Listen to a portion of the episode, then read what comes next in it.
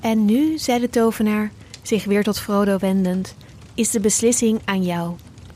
Maar ik zal je altijd helpen. Hij legde zijn hand op Frodo's schouder. Ik zal je helpen deze last te dragen, zolang jij haar moet dragen. Maar we moeten iets doen, spoedig. De vijand is in beweging gekomen. Frodo staarde strak naar de rode sintels in de haard, tot hij niets anders meer zag en hij in de diepe bronnen van het vuur scheen te kijken. Hij dacht aan de legendarische doemspleten en de verschrikking van de vuurberg.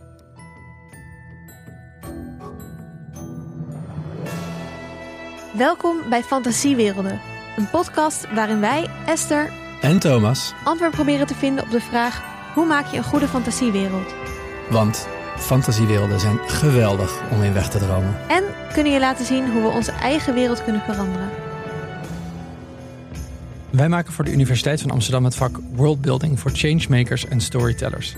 In deze podcast hoor je over ons onderzoek naar het bouwen van fantasiewerelden en helpen we je er zelf een te maken. In de komende zes afleveringen gaan we het maken van de fantasiewereld onder de loep nemen. Hoe bedenk je een wereld zoals die van Harry Potter, Star Wars of The Lord of the Rings? Wat maakt dat zo'n wereld wel of niet werkt? Wat maakt een goede held of een goede vijand? De antwoorden helpen ons hopelijk om nieuwe makers te inspireren, want in Nederland hebben we veel te weinig fantasy-schrijvers. In deze eerste aflevering hebben we het over het belang van het maken van fantasiewerelden en, heel toepasselijk, praten we met makers over hoe je aan het bouwen van zo'n wereld begint. Maar eerst, misschien vraag je je af, wie zijn dit eigenlijk? Thomas, jij bent retorica-docent en speechschrijver. Ik zelf schreef het boek Handboek voor de Jonge Rebel over activisme voor jongeren. En ik ben podcastmaker. Maar wat brengt ons nu eigenlijk samen? Ja, ik geef al een vak aan onderstudenten aan de universiteit. En ik wilde een vak gaan ontwikkelen dat niet alleen eh, bestaande verhalen beter vertelt, maar dat helemaal nieuwe verhalen maakt. En omdat ik weet dat jij gelooft dat verhalen meer kunnen doen dan alleen meenemen, vond ik het heel erg leuk om jou daarbij te vragen. Ja, ik denk dat dat een, eh, een goede combinatie is. En wij gaan dus 30 studenten van de Universiteit van Amsterdam leren hoe je een wereld kunt bouwen. Maar we dachten, hoe mooi is het als we nog veel meer mogelijke makers kunnen inspireren? Nou ja, dat werd deze podcast. Ja, we hopen echt dat heel veel mensen heel veel fantasywerelden gaan bouwen voor ons. Ja, en voor we verder duiken in de redenen waarom dat zo belangrijk is, waarom we hopen dat jij als luisteraar na het luisteren van de podcast een nieuwe wereld gaat maken, ben ik nog heel even benieuwd, Thomas, wat is jouw favoriete fantasiewereld?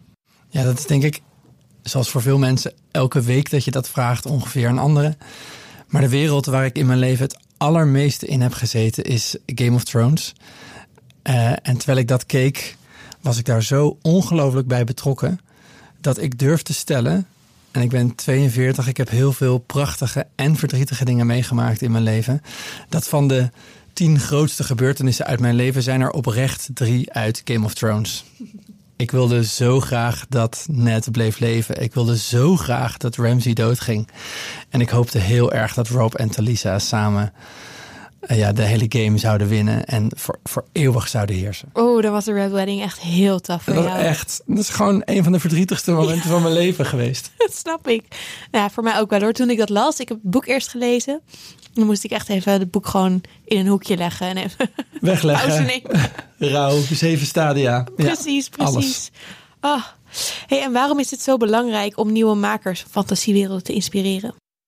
Omdat ik oprecht geloof, hoe meer fantasiewerelden we hebben, eh, hoe meer kansen we hebben om weg te dromen, om even deze wereld te verlaten. En als ik zo naar buiten kijk of naar de krant of wat er allemaal gebeurt in de wereld, is het ook wel heel erg lekker om af en toe eh, er even uit te kunnen stappen.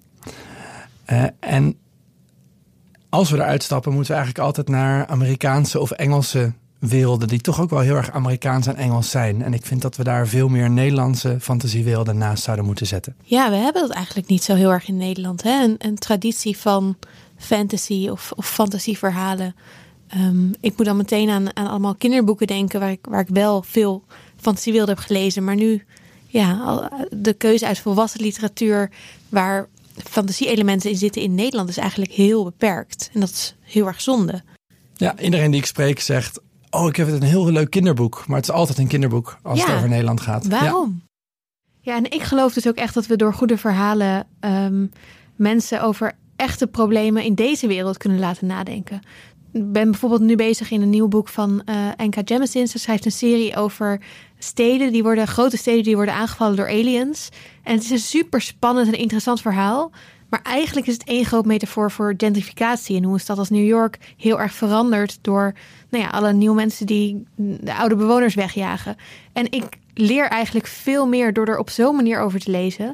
dan als ik een boek zou lezen wat heet Waarom gentrificatie een probleem is. Dus het kan een hele fijne manier zijn, denk ik, om mensen over wereldproblemen iets uit te leggen die anders daar niet over zouden leren.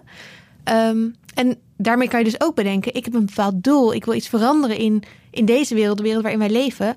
Ik ga een super vet fantasy verhaal schrijven daarover. In plaats van uh, ik moet uh, de straat op, bijvoorbeeld. Dus het kan echt een vorm van activisme zijn. Daar geloof ik echt in.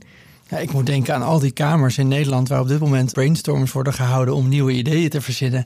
Maar je kunt niet echt brainstormen als je binnen de kaders van je eigen organisatie of je eigen opdracht uh, moet formuleren. Dus ik denk ook echt dat, dat fantasy kan helpen om oprecht mooie nieuwe oplossingen te verzinnen. Ja, wat is er meer out of the box dan nadenken over hoe het in een hele andere wereld allemaal zou werken? Ja, voeg er een tovenaar aan toe. Ja, precies. Gewoon een beetje magie. Dus een storyteller en een changemaker gaan samen werelden bouwen. Ik ben heel benieuwd welke de mooiste worden.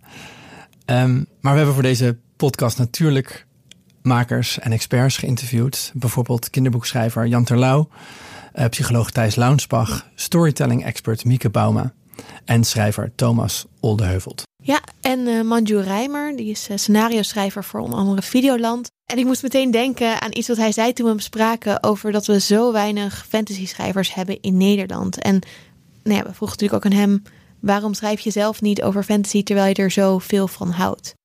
Ik denk er niet eens aan om, om een fantasy te schrijven in Nederland, omdat ik dat gewoon niet verkoop, verkocht krijg. Er is gewoon geen, uh, zeker in de filmwereld waar ik dan zit, is er voor volwassenen uh, en dan voor young adults, waar ik dan voornamelijk voor schrijf, um, is, het antwoord meteen: er is geen budget. Uh, dus uh, het is zoiets simpels als vampieren tanden dat maken en consequent 90 minuten volhouden, dat, dat wordt te duur. en dan, dan houdt het op. Dus ik, ik, ik denk er niet eens aan om een fantasy te schrijven. Ik schrijf wel fantasy scripts, maar dan echt voor mezelf voornamelijk. En, en om te oefenen en omdat ik het leuk vind.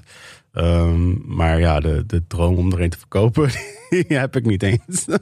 Ja, zo jammer vind ik dit. Want je zou zo graag een Nederlandse fantasy-serie zien. En ik denk ook dat dat gewoon kan. Ook met weinig budget.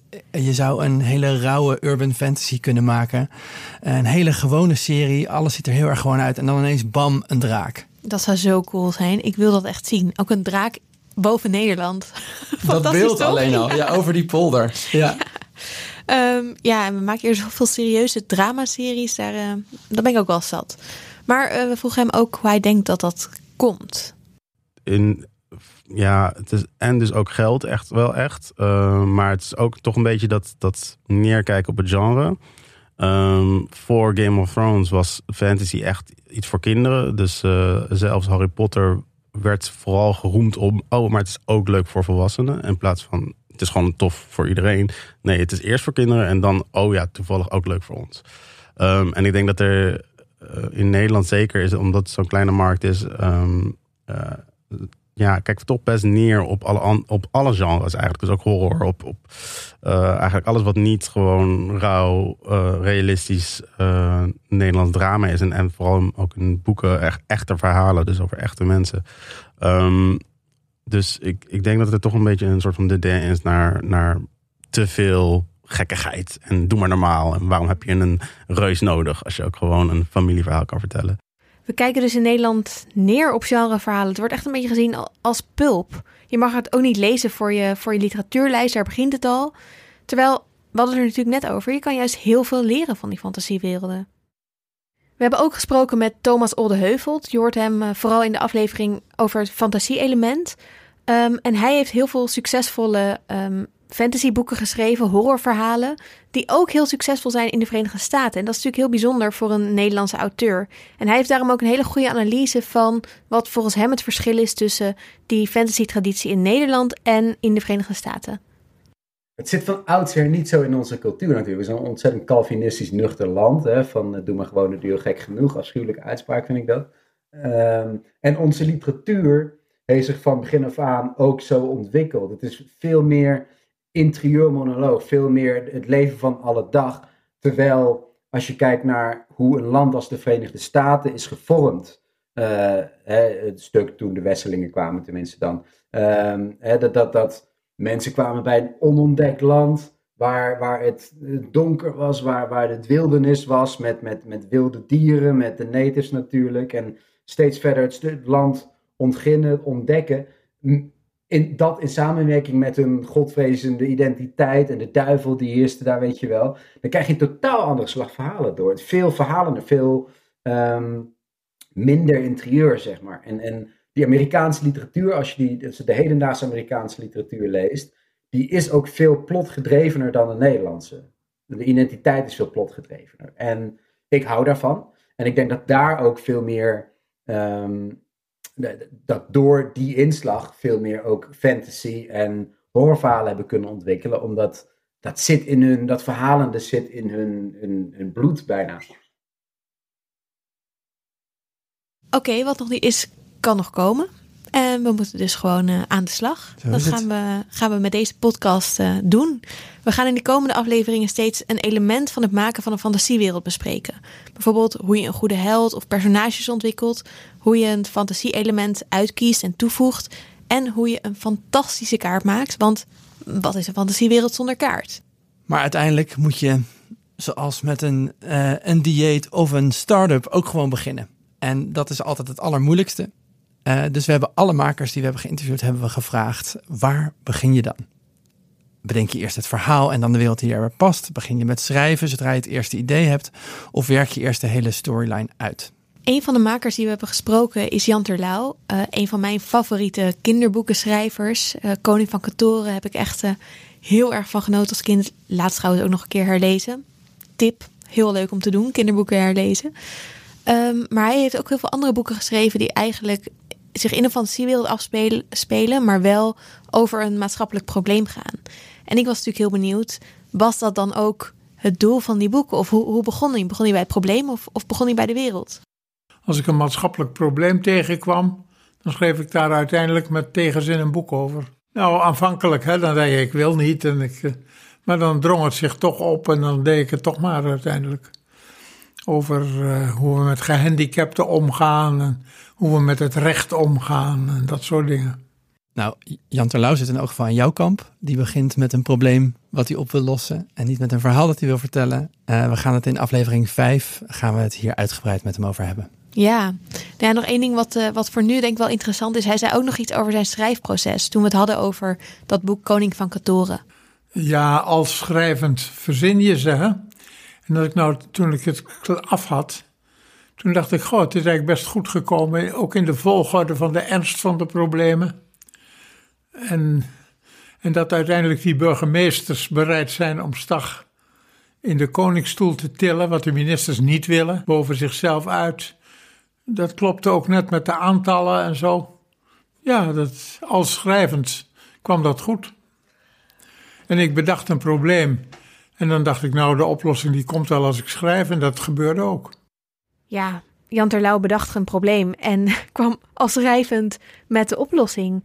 Dat is toch wel heel erg fijn als dat zo werkt. Het lijkt me heerlijk. Je zit gewoon lekker eh, te typen.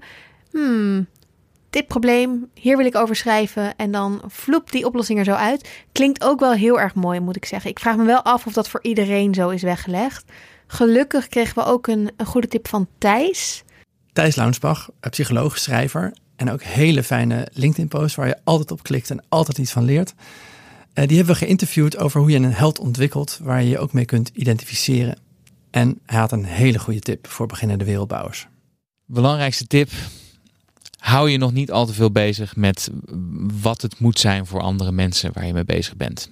Dat doe je misschien wel op het moment dat je naar een uitgever stapt om het uh, uit te brengen. Dan moet je nadenken over wat biedt het wat andere boeken niet hebben of zo. Maar in het creëren ervan, wees vooral bezig met wat wil ik neerzetten, wat zijn de dingen die ik wil exploreren, wat zijn de thema's die ik wil ontdekken uh, en wat voor wereld moet het voor mij zijn. En uh, um, Dus het- nou ja, een van de belangrijkste, als je dan toch over schrijven specifiek hebt, een van de belangrijkste dingen die ik altijd geleerd heb is: schrijf eerst een shit draft. Schrijf een, een stuk waarin je nog niet bezig bent met de kwaliteit van het stuk. Want dat komt bij het herschrijven. Dat hoeft nog niet in eerste instantie. Kijk, dit klinkt goed te doen. Gewoon beginnen met een shit draft. Geen, eh, geen druk. Klinkt iets laagdrempeliger om mee te beginnen. Ik heb nog een quote meegenomen. Eigenlijk een beetje de quote die het project voor ons allemaal eh, helpt beginnen. Eh, van iemand die we helaas niet hebben geïnterviewd omdat hij dood is. Maar wel iemand die de basis heeft gelegd voor heel veel fantasy die we nu nog steeds lezen. Oeh, vertel. Ja, Tolkien. Ah, De schrijver van Lord of the Rings. Een geweldige eh, wereld waar we geen genoeg van kunnen krijgen. ja, die kon natuurlijk ook niet ontbreken in deze podcast. Ik heb net de serie afgekeken, Rings of Power. Ik krijg ook meteen weer zin om de boeken te lezen en om, om de films eh, te herkijken. Dit is wel echt, als je over fantasy hebt, dan, dan denk je eigenlijk meteen aan zijn wereld, toch? Ja, en die wereld is zo sterk. Ik vind die serie niet eens zo goed. Ik, ik voel dat hij niet eens zo goed is. En toch wil ik alles wat er uit die wereld komt, wil ik weten. Ja, elke detail over Numenor of, of welk rijk dan ook binnen die wereld. eh, heerlijk. Ja, kom maar door. Echt fantastisch. Oké, maar wat, wat zei hij over het beginnen van het schrijven van deze wereld? The actual beginning, though it's not really the beginning, but the actual um, flashpoint was I remember very clearly. I can even I took um, I can still see the corner in, the, in my house in 20 Northmore Road where it happened. I got an enormous pile of exam papers there, and uh, in- marking school examinations in the summertime is a is an enormous, um, very laborious, and unfortunately also boring. And I remember picking up a paper and actually finding, I nearly gave an extra mark for it, extra five marks actually. One page on this particular paper was left blank. Glorious. Nothing to read. So I scribbled on it, I can't think why. In a hole in the ground there lived a hobbit. I think that was eventually published in 1937. Glorious, een leeg vel papier. Oh, wat heerlijk. Nou, dit is ook wel echt. Als je luistert en je wil beginnen met het maken van je wereld, zou ik nu gewoon een leeg vel papier pakken. Zet deze podcast misschien even uit. Schrijf die zin op die je opkomt zodra je naar het lege vel papier aan het staren bent. Want ja, dat kunnen, we- dit kunnen we gewoon meteen doen. Ja, nu pauze. po- Post-it pakken en opschrijven wat het eerst in je opkomt. Ja, en het dan daarna met ons delen. Want ik ben nu heel benieuwd welke zinnen en werelden hier allemaal uit gaan komen. Laten we dit gewoon nu gaan doen. Ehm, ik zou zeggen, even een wachtmuziekje erin. Eh, dan gaan wij een leeg vel papier pakken en even de eerste zin opschrijven. En, en jij kan ook meedoen als luisteraar.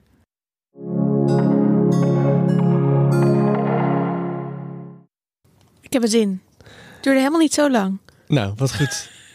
en ik zit nu te denken, het kan dus zijn dat iemand iets heeft opgeschreven wat het begin is van een wereld zo groot als die van Harry Potter of van, van Midden-Aarde. Crazy. Ja, dat kan nu gewoon gebeurd zijn. Dan hebben we ineens een Nederlands boek. Het, jij zou het kunnen zijn. Eh, Ja, maar ik hoop dat het een luisteraar is die nu eh, een idee in, in het hoofd heeft. Ja, en ook zit te denken, naar die zin zit te kijken Ja. en denkt, ik heb volgens mij wat. Ja, dit is het. Dus als we bedenken, hoe moeten we beginnen? Dan is de Tolkien-test is, eh, is een begin. Eh, wat is er bij jou uitgekomen? Deze zin.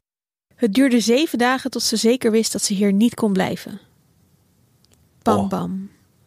Heerlijk. Het ligt nog heel veel open. Maar we weten wel dat het over één iemand gaat. En die weet Mhm. al, het duurde zeven dagen voordat ze wist dat ze hier niet kon blijven. Ja, ik weet nog niet waar hier is. Ik weet ook nog niet waarom. Maar dit is op zich wel een goede start. Want ik kan ofwel beginnen met nadenken over waarom duurde het zeven dagen. En waar is, waar is ze dan?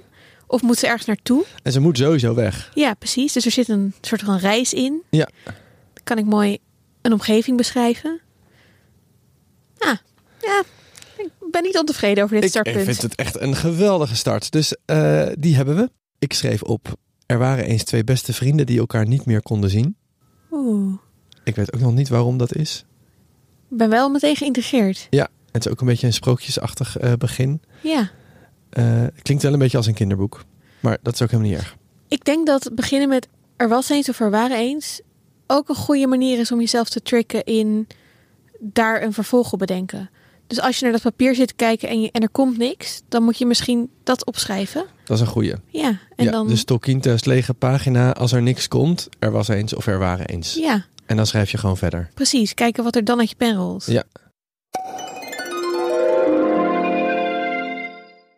En dan onze laatste tip om een nieuwe wereld mee te beginnen. Van, we twijfelden een beetje of het de koningin of de grootmoeder of gewoon de goat van de Nederlandse fantasy voor kinderen is. Tonke Dracht, hoe begint zij? Eerst wat ik ben gaan doen, een kaart tekenen. Dat is het leukste. Ik raad iedereen aan die schrijver wil worden, moet beginnen een kaart te tekenen waar het zich afspeelt. Want dan ik zit je zoek al de kaart. vast. Ik zoek de kaart, die staat toch voor in het boek? Oh ja, hier. Kijk, Dit is de kaart. ja.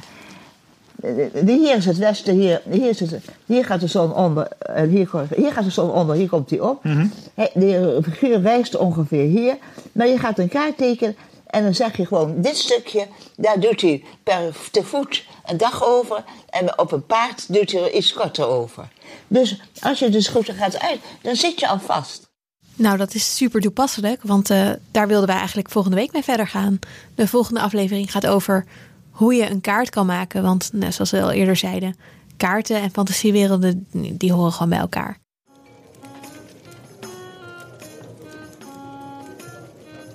Goed, we hebben een heleboel tips van een heleboel makers gehoord. En we gaan er in de komende afleveringen nog een heleboel meer horen.